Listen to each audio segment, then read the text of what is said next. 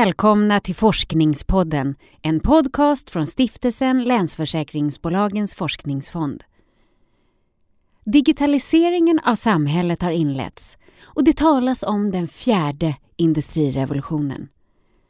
För att kartlägga den forskning som bedrivs inom området och för att förstå de avgörande konsekvenserna för vår egen bransch har Länsförsäkringsbolagens forskningsfond beställt en övergripande rapport från forskare vid Chalmers tekniska högskola. Vi får här lyssna till ett samtal mellan professor Martin Wallin och Susanne Fagerberg, skadechef i Länsförsäkringar Uppsala. Varsågoda Susanne och Martin. En del i vardagen eh, för oss skadechefer på Länsförsäkringar det är att se till att vi har en jättebra skadereglering när det inträffar eh, massa krockar. Och just nu är vi ganska bekymrade för Eh, det krockas mycket, frekvensen ökar och mm. dessutom så blir det rätt så dyrt att reparera för det finns så mycket fin teknik i bilar mm. nu för tiden. Hur kommer det se ut framöver vad gäller våra bilskador och skaderegleringen? Vad, vad, vad, vad kommer vi att möta? Jag tror att det beror såklart väldigt mycket på hur lång sikt man tittar. Men om man tittar på lite längre sikt så kommer förmodligen skadefrekvensen att gå ner väldigt kraftigt. Det kanske till och med inte kommer att vara en enda olycka. Eh, eller väldigt nära noll olyckor. Och varför säger jag så? Jo, det beror på att redan idag börjar vi eh, få självkörande bilar och i framtiden så kanske vi har en hel fordonsflotta som bara kör själva. Vi har inga människor eh, som är förare och vi vet ju att det är människan i allmänhet som skapar de här skadorna. Vi är ju ganska dåliga bilförare även när vi är nyktra och eh, hälsosamma. Så om jag tar ett konkret exempel så, så testas det ju sådana här självkörande bilar redan idag. Eh, teknologin eh, börjar bli väldigt tillgänglig, ganska, ganska billig till och med. Eh, och en av ledarna här är ju, är ju Google som vi alla känner till från deras sökmotorer och vår Gmail etc. Mm, mm, Men vi kanske mm. inte förknippar dem med bilar. Och de tillverkar inga bilar, men de tillverkar och utvecklar utrustning för självkörande bilar. Och tittar man lite på eh, statistiken över Googles självkörande bilar så har de idag kört runt ungefär 400 000 eh, mil. Det är en ganska lång sträcka. Mm. Eh, och de har ett, eh, ett 20-tal bilar som är ute och åker, framförallt på västkusten i USA. Och hittills så har man haft 14 olyckor. Ja, det låter ju helt osannolikt. Det är väldigt lite. ja. Eh, och det är idag och det är självkörande och det är inte på eh, vägar utan trafik utan det är i normal motorvägstrafik, Oj. normal stadstrafik. Och det blir till och med ännu värre om man bryter ner den här statistiken och tittar på var de här olyckorna har skett. Och de flesta olyckorna har, har skett vid korsningar där andra bilar med människor som förare har kört in i Google-bilen bakifrån. För att den här datorkontrollerade bilen helt enkelt följer trafikreglerna. Så Google-bilen har inte ens varit vållande till olyckan? Nej, i, i allmänhet inte. Det finns, det finns ett fall där Google-bilen var eh, vållande och det var faktiskt när en mänsklig chaufför hade tagit över körningen av bilen. Och då får man säga att det var Google-bilens fel. Sen finns det ett exempel till eh, där eh, Google-bilen gjorde en eh, felaktig uppskattning eh, vid ett filbyte och blev påkörd bakifrån. Men det är ett eller ett halvt fall på så många mil.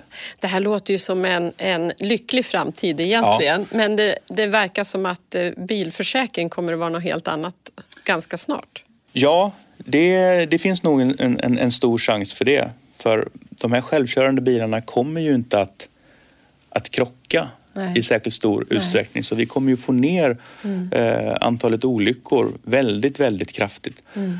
Men vi ser ju också att vi kommer under en lång period ha ett landskap när vi har både självkörande bilar och eh, mänskligt eh, framförda bilar. Mm. Mm. Och det kommer ju vara ett väldigt utmanande risklandskap. Um, och det kommer att vara så under en ganska lång ja. period. Det är bilen som kommer ha utrustning som läser av omgivningen. Det är inte omgivningen som berättar för bilen att nu ska du vara försiktig. Ja, det är en jättebra fråga. Idag så bygger man teknologin baserat på att bilen själv kan läsa av sin omgivning. Mm. Mm. Ofta med så kallad eh, LIDAR-teknologi eh, som sänder ut laserpulser mm. eh, och känner av sin omgivning. Men man kan absolut tänka sig att, att en bil också använder sig av all den data och alla de sensorer som finns i omgivningen. Mm. Eh, det skulle ju bara leda till att det blir ännu bättre data och ännu färre ja. olyckor.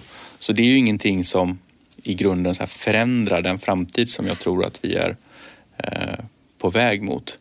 Jag tänker liksom den här Google-bilen, läser den av en vanlig vägskylt eller? Ja, ja. den har kameror Hastighets... så den, den, läser av, den läser, den läser av eh, vägmarkeringar, alltså linjer i vägbanan.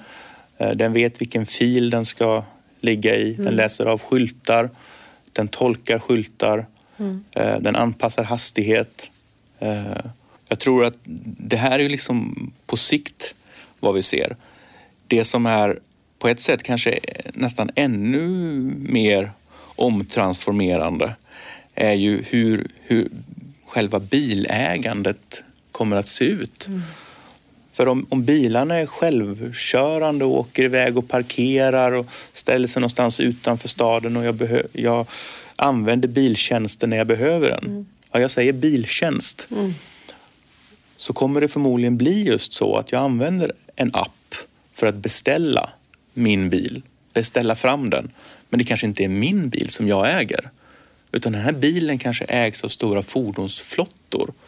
Då får vi ett bekymmer att börja fundera på vad som ska vara den försäkrade kretsen och vem som är försäkringstagaren också. Det är också. precis det som är poängen. Att de här flottorna kommer förmodligen vara ganska stora. Och de kan ju mycket väl försäkra, eh, försäkra själva. Ah och inte gå till ett försäkringsbolag. Oj, det här måste vi ha ögonen på. Ja, och det här kan ju hända det kan man ju tänka sig att det här kan ju faktiskt hända redan innan vi får bara självkörande bilar. Blir det stora flottor, mm. eh, stora bilpooler, riktigt stora bilpooler, så är det säkerligen logiskt att, att försäkra inom den poolen. Mm. Men det kan ju också leda till andra typer av, av försäkringar. Mm. Det kanske blir en form av produktförsäkringar, ansvarsförsäkringar kanske blir intressanta och ja. kommer se annorlunda ja. ut. Så man får ha ögonen lite på vilka kommer vara de relevanta mm. kunderna mm. i framtiden. Jag som mm. privatperson kanske vill försäkra mig på ett annat sätt. Jag kanske vill ha en, någon försäkring som, som, som som gör att jag känner att jag är helt täckt oberoende av vilken bilpool jag hoppar mm. in i. Mm. För jag kanske inte litar på... Mm. Ja. Både som privatperson, vilket ansvar jag har och som jag vill ha ett skydd för, eller som företagare, vilket ansvar Precis. jag har. Mm. Precis. Ett annat område som jag är nyfiken och frågar dig om, det hör ihop med... Vi har ju mycket byggnader försäkrade ja. i ja. Länsförsäkringar. Ja. Mycket hus och hem och fastigheter.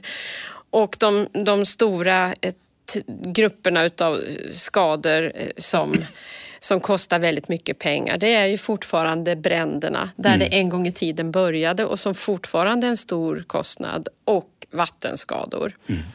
Det brinner och det rinner brukar vi säga mm. och det är det som kostar pengar.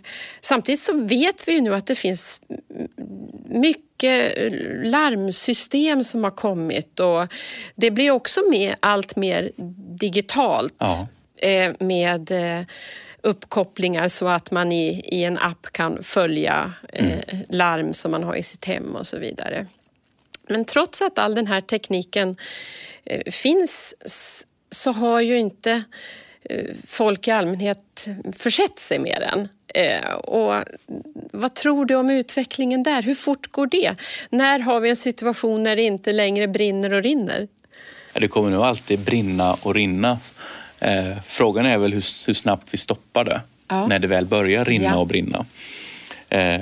Och jag tror att mycket av teknologin den finns, eller nästan all teknologi mm. finns. Mm. Mycket av teknologin finns ju dessutom redan på plats. Eh, tänk bara på, på våra smartphones mm. som har väldigt mycket inbyggda mm. sensorer. Men skickas den relevanta datan iväg till den relevanta organisationen? Nej, det gör den inte.